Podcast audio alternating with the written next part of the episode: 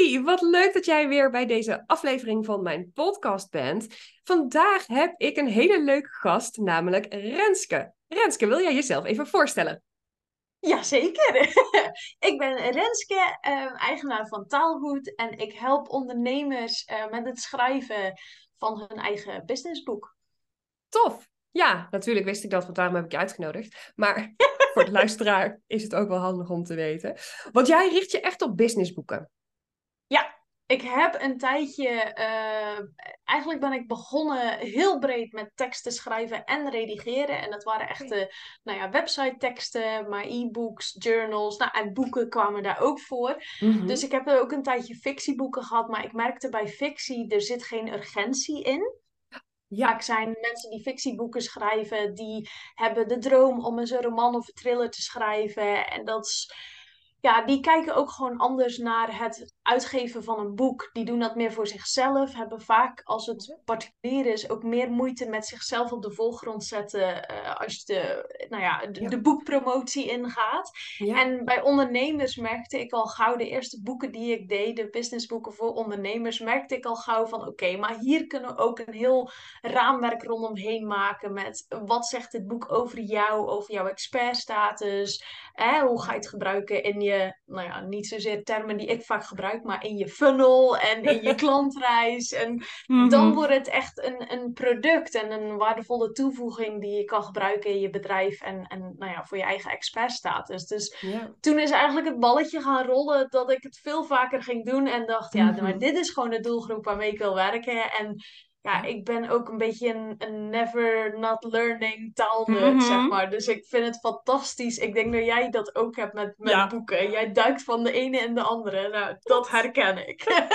Ja, ja, ik zie bij jou ook echt op de achtergrond eh, bij de video, mocht je dit kijken op YouTube. Wel, mocht je het luisteren, je kunt ook de video kijken op YouTube. Maar je ziet bij jou erachter echt zoveel boeken staan. Ik hou er echt Mooi, van. hè? Ja, En het zijn nog niet helemaal allemaal. Dat is het ergste van al. Maar goed, die wisselen af en toe een keer om. precies. Maar inderdaad, het is wel wat jij zegt ook. Natuurlijk gewoon voor, als jij die boeken... Want jij redigeert? Ja, nou, ik ben begonnen met het, eigenlijk de eindredactie. Dus echt, Ja. je hebt het hele boek geschreven en dan eh, vraag je een redacteur of een corrector. En de Mhm. redacteur die kijkt mee vanaf nou, eigenlijk 80, 90 procent.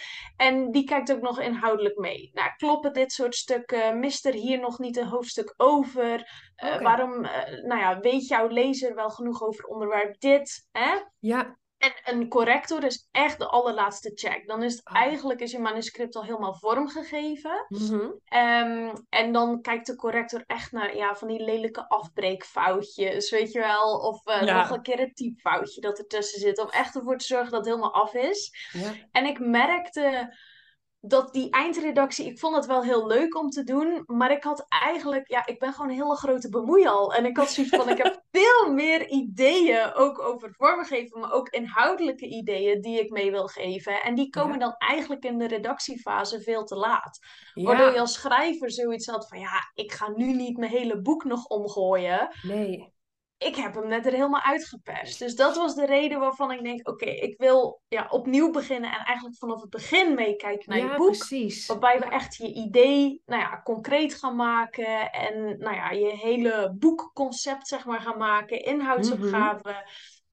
En daarvoor heb ik nu mijn één op één traject gemaakt. Dus dat ik echt in vier maanden schrijven en ik redigeer ook. We hebben tussentijds gewoon feedback calls, omdat ik zoiets... Ik merkte bij schrijvers van het is best een, nou ja, eenzaam bestaan. Dat zeggen ze Mhm. altijd en dat is ook zo. Want ja, je moet natuurlijk een heel boek eh, oplepelen uit je eigen hoofd. Ja, precies. Er moet even flink wat output eh, komen via dat toetsenbord, zeg Dat. maar. Ja. En ik merk dat, het, dat eh, schrijvers het fijn vinden als ze een, nou ja, een klankbord hebben. En ik zie Ja. mezelf niet zozeer als schrijfcoach, maar echt meer, nou, ik noem mezelf boekregisseur, omdat ik denk, ik Oh, overzie het grote geheel. Ik denk Ja. in scènes, net als een filmregisseur, maar ik zoom ook echt in op de details. Ja. En in mijn trajecten huur ik dan een externe corrector in, omdat, ja, op het duur, als ik vier maanden lang naar een manuscript heb gekeken, Nee. weet ik ook, ik zie niet alles meer. Nee. Dus dan huur ik gewoon een extra paar ogen in, zodat het wel, ja, zodat je ervan echt van uit kan gaan dat het gewoon, nou ja, een, een goed ja. vlot lopend uh, manuscript is dat door kan naar de vormgever. Ja, precies, precies. Nee, inderdaad, wat je ook zegt. Ook, weet nog toen ik scripties schreef, inderdaad, voor mijn uh, nou ja, bachelor- en masteropleidingen. Ja? man, op een gegeven moment, je ziet het gewoon niet meer. En er staan echt hele stomme typfouten in. Ja. ja. geen idee. Je ziet, het valt gewoon niet meer op. Want je, je, je hoofd vult in wat er gelezen wordt. Ja, ik heb inderdaad ook nog, nou ja, ik heb zelf drie scripties geschreven en dan ook nog scripties studenten begeleid met hun scriptie. Oh, ik vond het wel altijd leuk om echt bronnen te checken en weet je wel, ik was echt wel een beetje de, uh, ja, ik noem mezelf ook altijd een beetje de slechterik in het sprookje, weet je wel. Ik breng alles in twijfel, maar gewoon omdat ik wil dat het alleen maar beter wordt. Dus dat vond ik bij scripties ook altijd heel erg leuk. Ja, precies. en ik denk als dat ik ze niet zelf hoef te schrijven. Ja, precies. Maar... Nee, maar ik denk dat dat ook het waardevolle is. Want wat jij ook zegt, um, zo, ik kan me goed voorstellen dat zo'n boekschrijfproces heel eenzaam en alleen is. Überhaupt natuurlijk ondernemen, als jij als ZZP'er in ieder geval onderneemt. Nou, en ik weet dat de doelgroep in ieder geval die mijn podcast ook luistert, dat is toch primair de ZZP'er. Je, ja, je, je bent eigenlijk altijd al alleen bezig. En dan als je nog zo'n project als dit naast je business natuurlijk oppakt. Want ja. ik denk ook dat de meeste van jouw klanten zult ook echt naast hun primaire business doen? Of zie je dat mensen echt een hele agenda leeggooien en volle bak gaan schrijven? Of is het een mm. side-project? Ik heb wel een klant gehad die uh, volgens mij eind vorig jaar zei van... Hè, ik voelde al langer, ik moet een boek schrijven. Maar ik had nooit de tijd ervoor genomen. Hè? Inderdaad, het leven gaat aan je voorbij als je erbij staat. En mhm. die zei van ja, ik merkte plots van... Ik kreeg een paar klanten die nee zeiden in mijn coaching. Ik kreeg ruimte, letterlijk en figuurlijk. En het was niet zo dat ze in een gat viel, maar echt zoiets van dit komt niet zomaar op mijn pad. Dit is nu, mhm. zeg maar, mijn agenda ontvouwt zich eigenlijk om nou ja, de ruimte te krijgen voor mijn boek. En toen zei ze ook, toen deed ik het nog in drie maanden. Mhm. En toen zei ze van ja, ik vind dat juist heel fijn, want ik hoef er ook geen jaar aan te zitten. En nou, die had gewoon, eh, omdat we vanaf het begin af aan hadden we ook een planning opgesteld. Dus zij wist gewoon, oké, dan en dan moet ik dat hoofdstuk af hebben. Hè, een beetje druk op de ketel, ja, stok achter de deur. Juist. En ze zegt, ik heb gewoon elke ochtend, nou ja, de tijd voor ingepland. Stond ik wel eerder op. En nou ja, uiteindelijk hebben we volgens mij vanaf haar eerste gesprek met mij tot de boeklancering zat vijf maanden. Zo, dus dat vond ik snel. vrij netjes. Ja, ja want dus ik heb altijd, ja, precies. Nee, want ik heb altijd het idee als je mensen hoort over een boek schrijven. En dat komt dan denk ik ja, voornamelijk vanuit de fictiehoek. Uh, maar het beeld dat ik in ieder geval altijd had bij mensen die een boek schrijven, die gaan jarenlang zijn ze continu bezig met dat boek. En er komt maar niks en het duurt maar en het duurt maar. Um, Maar dat is misschien waar jij net ook natuurlijk mee begon. Die urgentie die ontbreekt bij fictieboeken. En ja, ik heb eigenlijk niet per se gerealiseerd dat dan een businessboek daar net net een andere intentie en bedoeling. En dan inderdaad ook een veel snellere doorloop. Of ik hoor vijf maanden, denk ik. Nou, dat, ja, oké, ik snap het. beginnen we? Ja, precies. nee, want ik, ik ben zelf, ik ben altijd van het, je moet rekening houden met de lange termijn, maar ik hou er niet van als mijn project bijvoorbeeld al jaren duurt of zo, weet je. Dat, daar ben ik ja, en jij bent ook wel iemand van de actie, toch? Ja. Bedoel, doelen stellen, plannen, ja. ervoor gaan. Ja, ja, en dan denk ik, als ik dan hoor vijf maanden, en dan denk ik, oh, dat, dat vind ik dan wel interessant ook om te horen, want ik kan me ook voorstellen dat andere mensen ook, die dit horen, uh, denk van, oeh, een boek lijkt me misschien wel wat, maar ja, als ik nu begin en over drie jaar is het er, ja, is het dan nog relevant? Maar dat hoeft dus helemaal niet allemaal zo lang te duren. Nee, nee, nee, zeker niet. En ik heb uh, dit jaar ook een klant gehad, die heeft het ook bewust in twee maanden gedaan. Uh, die wilde het zelfs eerst in één maand doen. Ik heb ook wel eens iemand gehad, die heeft het in twee weken gedaan. En echt gewoon zichzelf opgesloten in een huisje op uh, nou ja, hutje op de hei, zeg maar. Ja? Voor schrijf, schrijven, helemaal leeg schrijven en dan uh, nou ja, redigeren. Ja. En ik weet, die klant afgelopen jaar die het in twee maanden heeft gedaan, die zei ook van, ik heb mezelf afgevraagd, weet je, uh, een boek schrijven, eh, vaak beginnen dat je geluiden krijgt vanuit je omgeving. Dat er mhm. mensen zijn, of nou klanten zijn, of gewoon kennissen die zeggen van, goh, jij zou eens een boek moeten schrijven. En zo komen er mhm. wel meerdere mensen op mijn pad die zoiets hebben van, ja, ik, uh, ik hoor wat geluiden, het prikkelt een beetje, weet je, het kietel loopt wel zo van, oeh, ja, ja, die droom heb ik wel, maar ja, waar begin ik? Hoe begin ik? Ja. wie ben ik om een boek te schrijven? Wie gaat mijn boek lezen? Ja. En heb ik wel genoeg ervaring? En die klant had echt specifiek zoiets van: ja, maar wanneer ga ik dat punt dan wel bereiken dat ik weet dat ik genoeg ervaring heb?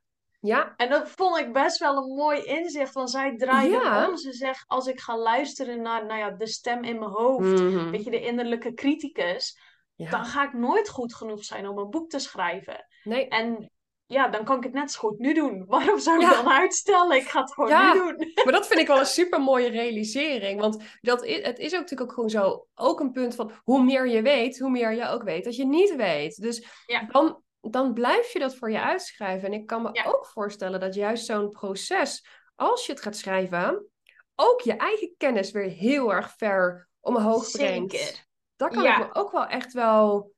Ja. Ja, je, je weet al veel, anders begin je niet. Je gaat niet over iets waar je niks van weet, een boek schrijven. Maar je gaat Nee. iets doen waar je wel veel van weet. En ik denk juist doordat je dan ook. En dat, nou ja, als je, zoals je zegt, dan speel je een beetje de advocaat van de duivel. Juist alles nog eens even extra kritisch bekijken. Niet zomaar aannemen, maar juist. Klopt dit Ja. wel? Waar komt deze info nou vandaan? En ja, dat is natuurlijk wel super relevant en interessant. Daarom werk ik ook vaak samen met mensen die al langer bezig zijn. En dan hoef je niet per se een onderneming te hebben waarbij je nou ja, al 30 jaar in zit of zo.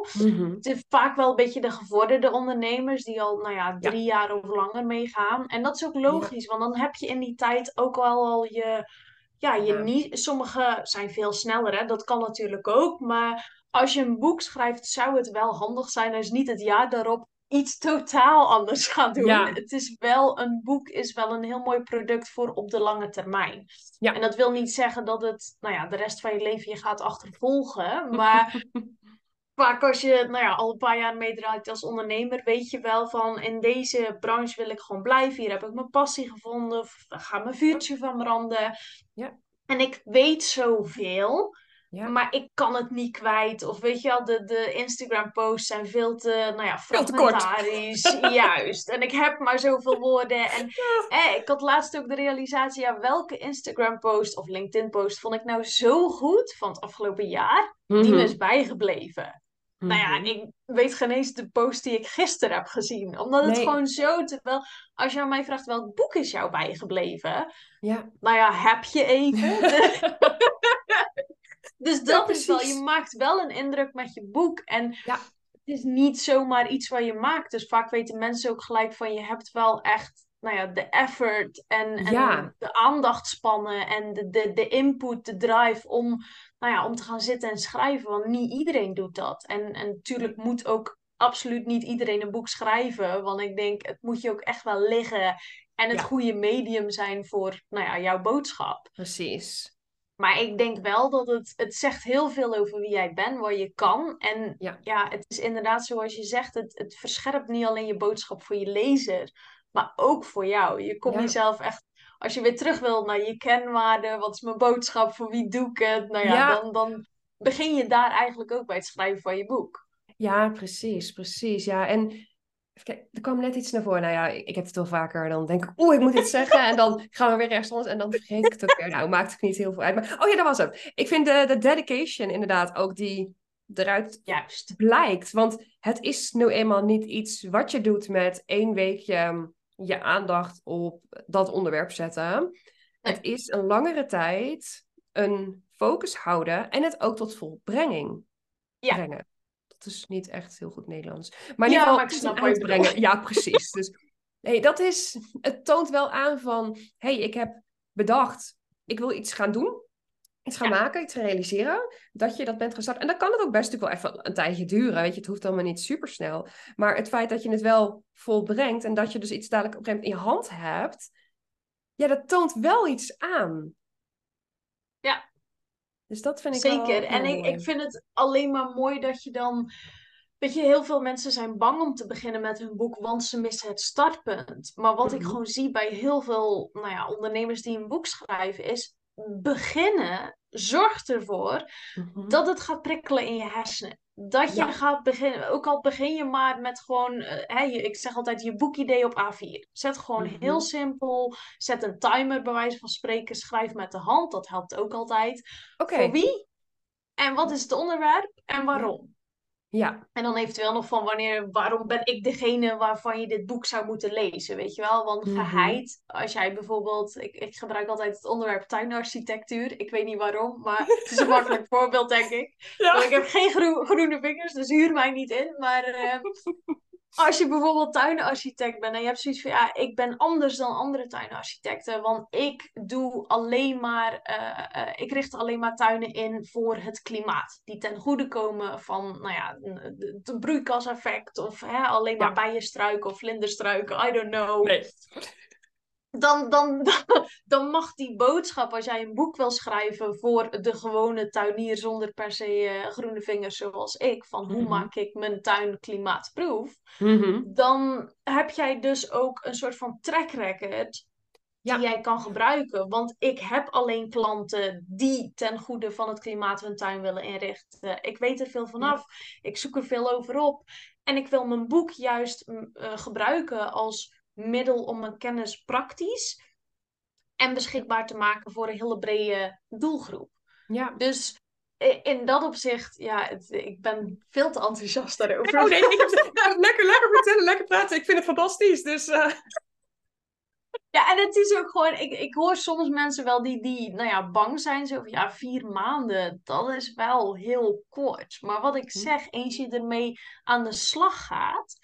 En nou ja, goed, dat hoeft niet per se met mij. Maar hè, als ik dan vier maanden mee aan het werk ga, dan merk ik ook wel hoe meer je ermee bezig bent, hoe meer je gaat schrijven, hoe meer onderwerpen er ook loskomen. En Ja. dat heb je misschien zelf ook wel eens. Als je bijvoorbeeld, eh, ik zeg maar wel, gaat verbouwen of zo. In het begin weet je helemaal, althans ik in ieder geval, helemaal niks van klussen.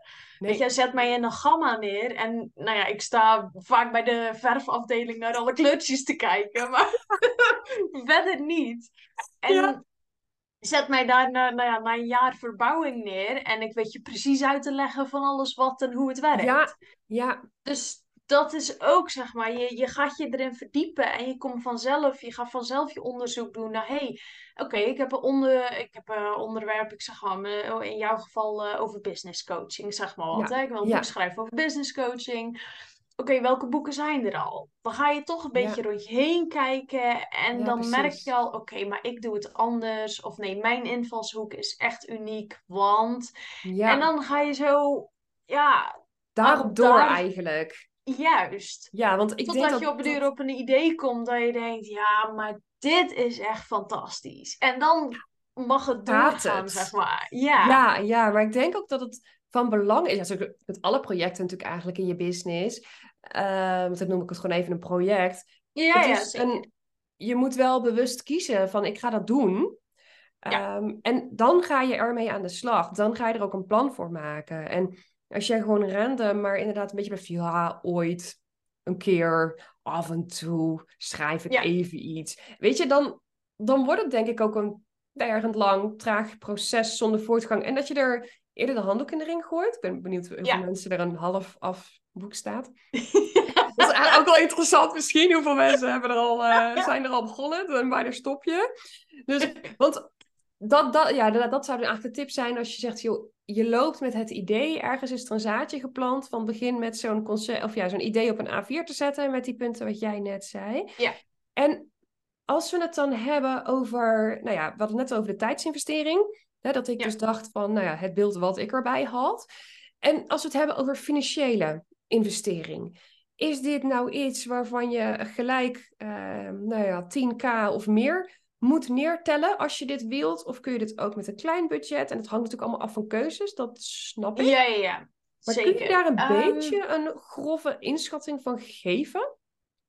Ehm, nou, ik zeg altijd, eigenlijk als ik ehm, van tevoren met een klant start, zeg ik ook altijd van ga voor jezelf na, wat mag het mij kosten en wat mag het Oh mij ja. opleveren? Oh, Want je noemde ook zelf, het is een project. Ja. Dus je moet het niet zozeer zien als het zijn nou ja, kosten, wat ik daarnet letterlijk zei, maar het is een investering. Want Ja. je wil waarschijnlijk, hè, ik, ik zag laatst ook eh, twee boeklanceringen, waarvan eentje was geen eens, daar wist niemand dat het een boeklancering was. Die had het gewoon gepitcht als event en dan, je krijgt mijn boek erbij, ik heb een boek geschreven, tada!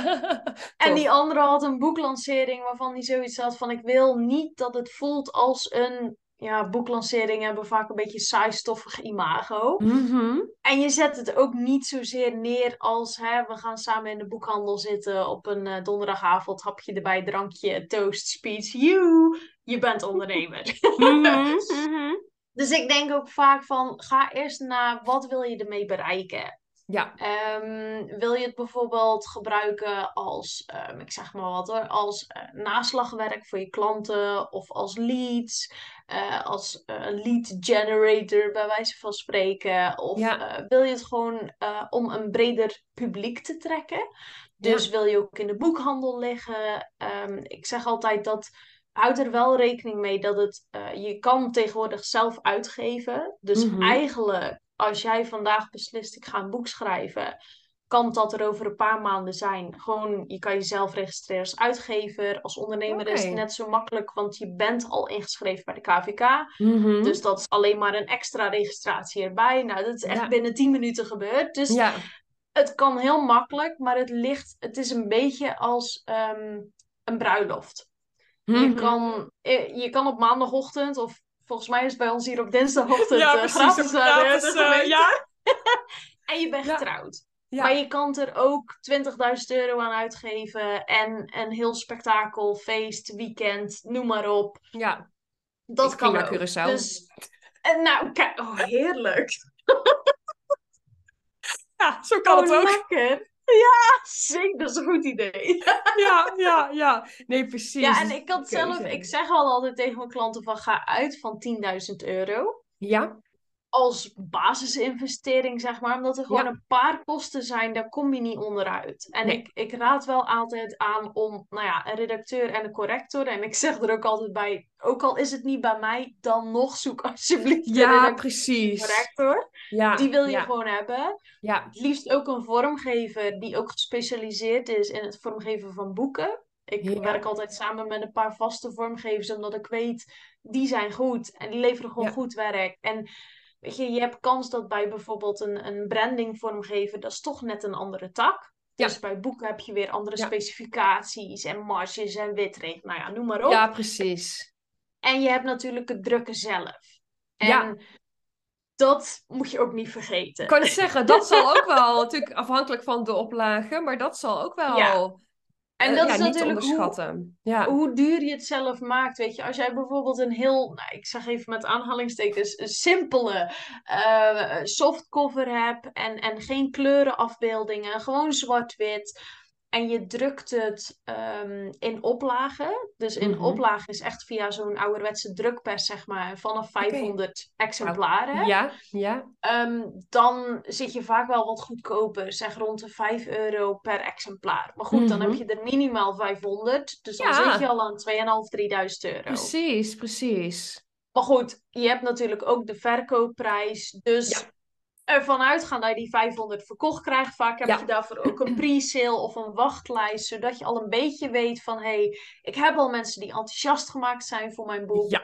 Maar goed, stel je maakt een hardcover met kleurenafbeeldingen, met goudfolie, pregen, nou, noem maar op, alle Ja. tien latijntjes. Ja. En je kan, ook, ehm, je kan ook voor kiezen om printing on demand te gaan. Dus dat is echt op het moment dat jij een exemplaar verkoopt, wordt het Ja. gedrukt.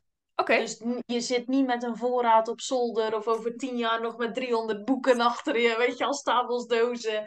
Hoeft allemaal niet, kan ook. Ja. Maar dan is het wel iets duurder per ja, formaat uiteraard. omdat Ja. ze gewoon ja, meer kosten daaraan hebben. Dus Ja, precies. Maar stel dat je natuurlijk qua zit qua investering en je kijkt daar tegenop, dan, dan is het dus niet dat je dat per se minimaal zo'n groot aantal en dan de, die investering daarbij hoeft te doen. dat. Kan ook. En je kunt ook later op een moment ook zeggen, als het gewoon lekker loopt en je zit op 100 of zo, dan je denkt, nou, weet je, nu durf ik het wel en nu heb ik wat weer Juist. opgebouwd of zo.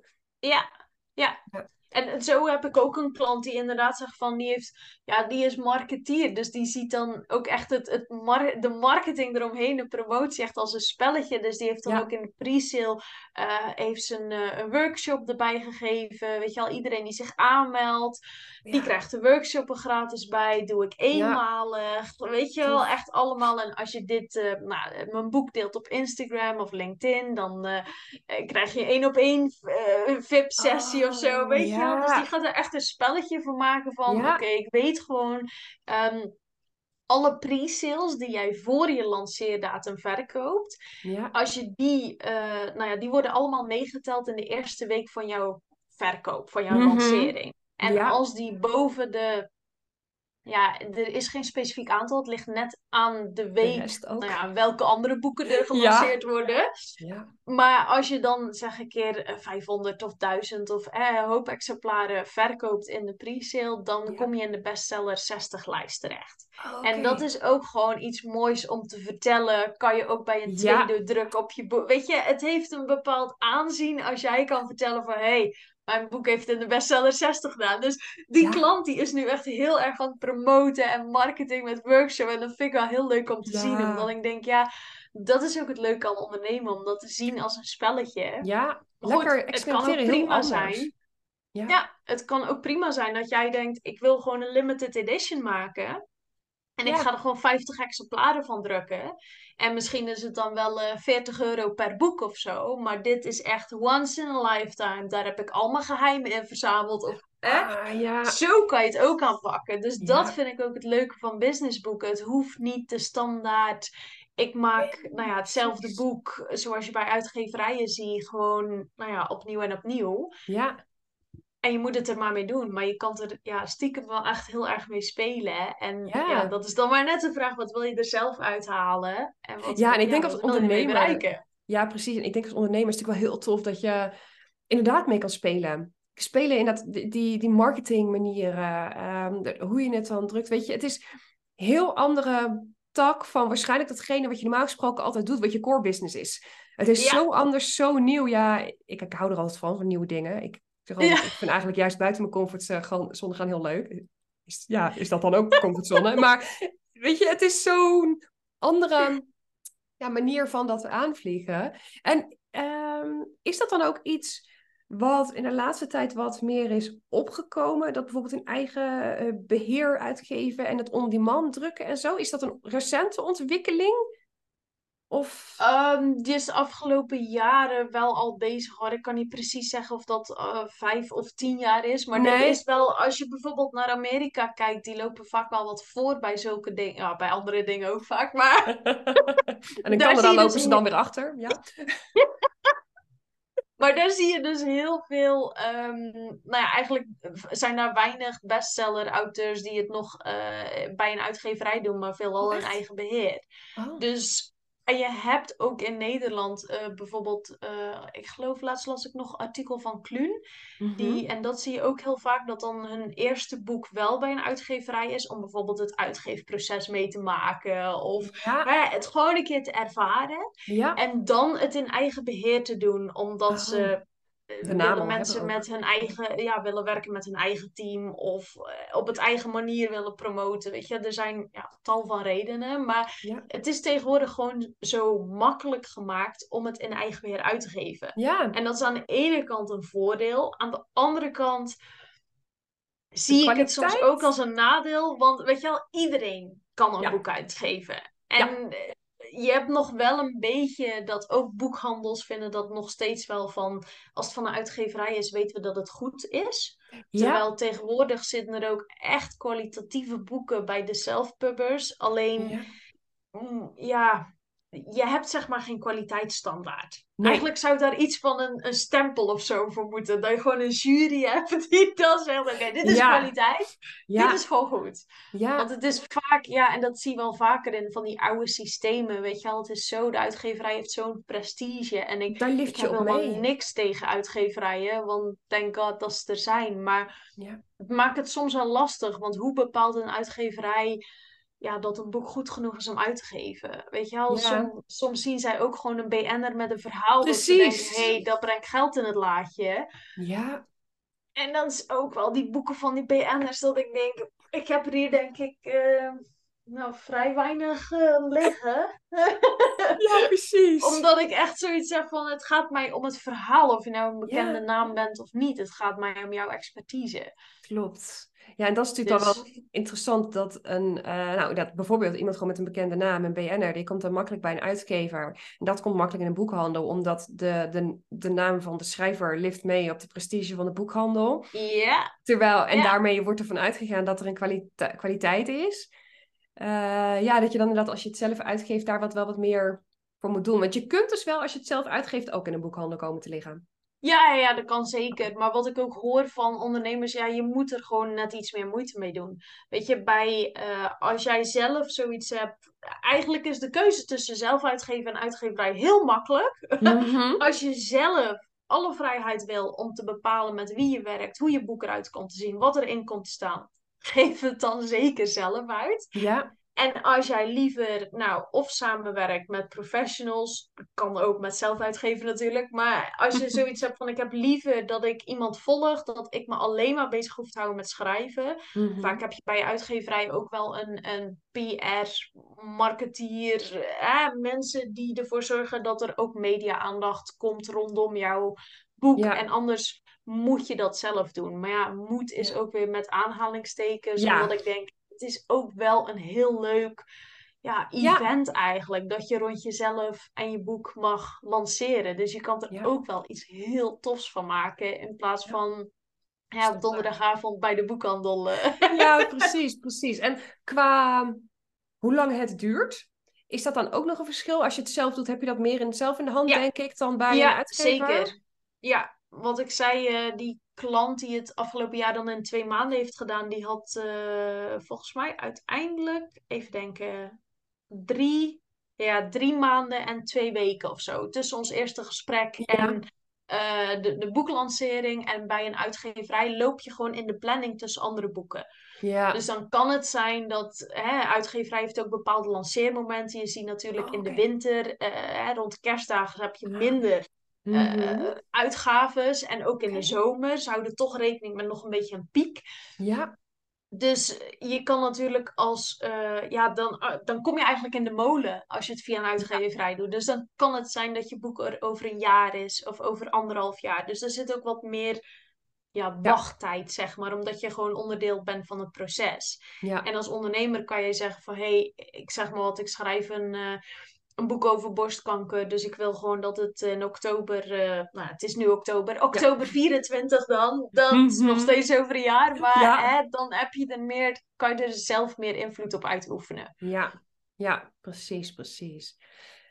Ik, heb jij nog een tip voor de luisteraar die erg... Je hebt al heel veel tips gegeven hoor, maar ik, ik, ik vraag gewoon altijd nog even van... Heb je nog een, een mooie afsluiter? Voor de luisteraar die denkt ik vind het allemaal wel echt super interessant. En ergens is er wel een zaadje en zou ik het wel misschien willen. Wat zou je diegene willen meegeven? Mm. Dat kan ook zijn, iets meegeven in plaats van een tip. Ja, ik zat inderdaad te denken, ja, de, plan een gesprek met mij in. Kijk, dat vind ik, dit vind ik nou gewoon hele mooie sales doen. Dit vind ik gewoon heel tof. ik hou daarvan. Nou ja, ik denk, kijk, ik, ik, ik zeg ook altijd van, ik, ik denk gewoon heel graag mee. En het kan best zijn dat een boek voor jou op dit moment gewoon niet passend is. Ik kan me voorstellen dat, uh, ik zeg maar wel, als je uh, zwanger bent of je staat net op het punt van een verbouwing of een huis te kopen. Weet je, er zijn soms grote live events waar je even, ja, die gewoon alle aandacht op eisen. Ja, uh, of misschien net in je business iets gebeurt waarvan je denkt, oeh, dit is een instabiele tijd of ik, ik heb mijn onderwerp nog niet concreet. Ik heb nog te weinig. Nou, het kan van alles zijn. Maar ik, ik merk wel dat uh, mijn enthousiasme wel heel aanstekelijk is. Dus dat is wel even disclaimer. Ja, nee, ik vind, maar dat voel ik al in dit gesprek. Denk ik, oh heerlijk, ja. maar als iemand aan twijfel is, heeft nu zoiets, ik ga dat gewoon doen. Ja, daarom zeg ik ook al, ik heb ook een hekel. Ik noem ook niet kennismakingsgesprekken zo. Ik heb gewoon een casting call. Ik denk als boekregisseur. Ik oh denk gewoon mee, mee. Cast ik je voor de hoofdrol, weet je wel. Dat, er is helemaal geen, geen sales. Ik denk gewoon heel graag mee mee. En wat ik al eerder zei, die tip van schrijf het dus op papier. Maar wat zeker kan helpen, is, is gewoon een rondje doen in je eigen netwerk. Want grote kans dat jij iemand kent die iemand kent die auteur is. Of gewoon mhm. die zelf al een boek heeft geschreven. Of wat ik nou, onlangs ook eens heb gedaan, is gewoon andere mensen die een boek hebben geschreven en recent hebben uitgebracht, gewoon een berichtje heb gestuurd.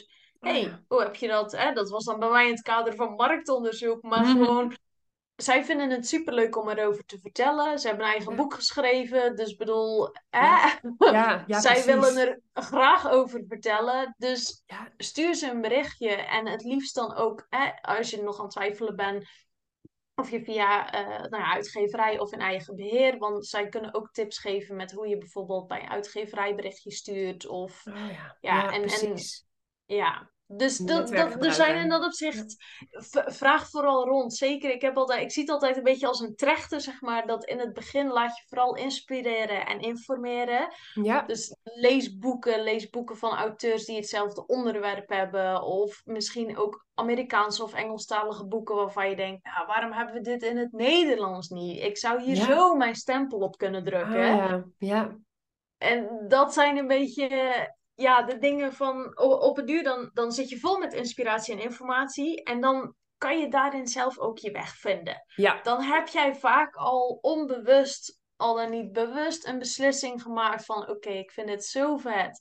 Ja, ik ga een boek schrijven. ja, En als je een beetje jezelf kent, weet jij ook heel goed van: ik ga het beste één op één. Eh, nee, Ja. ik, eh, ik ga gewoon schrijven. Ik stel een deadline voor me. Nou, dat weet jij ook hoe dat Precies, werkt. ja. Stellen en plannen. ja, ja, exact. En dan gaat het balletje rollen. Dus wees Ja. niet bang om je netwerk te gebruiken en informeer Nee. gerust. Ja, dat is wel een goede, denk ik. Ja, ik denk ook hoe meer je, ja, net als het marketing van je boek, de promotie, hoe eerder je begint, hoe beter. Want er zijn Ja. natuurlijk een aantal gevallen hè, die ge- gewoon een verrassingsevent lanceren. Hé, hey, ik heb een boek geschreven, Hallo. dat kan. Ja, Maar ja, het werkt ook nog steeds heel goed om, nou, nog voordat je een letter op papier hebt gezet, gewoon te informeren, content over te maken, mensen warm te maken voor jouw boek. ja, En dat weet jij als ondernemer, nou ja, Ja. als geen ander hoe dat werkt. Je Ja. hebt misschien soms nog geen product helemaal uitbedacht of helemaal gemaakt voordat je denkt, weet je wat? Ik ga eens even een beetje, een beetje voelen bij mijn wel doelgroep. wat. eh, ja, ja, Vraag het mensen. Dat is echt ja, de beste tips eh, voor, voor- ja, voordat je eigenlijk nog maar begint met schrijven. ja. Nou, dat vind ik een hele mooie afsluiter. Ja. Renske, ik wil jou hartstikke bedanken voor dit ja, hele informatieve en ook gezellige, leuke gesprek. Ja, En nou, ik heel leuk. Ik vond het ook heel gezellig. Ja, precies. Ik ga jou, eh, jouw Instagram linken in de omschrijving bij deze aflevering. Dus als mensen jou willen opzoeken, dan eh, kunnen ze dat heel makkelijk via daar doen. En dan eh, wil ik jou daarvoor bedanken. En jou als luisteraar wil ik ook bedanken dat je er weer bij was. En ik hoop je de volgende keer weer te zien.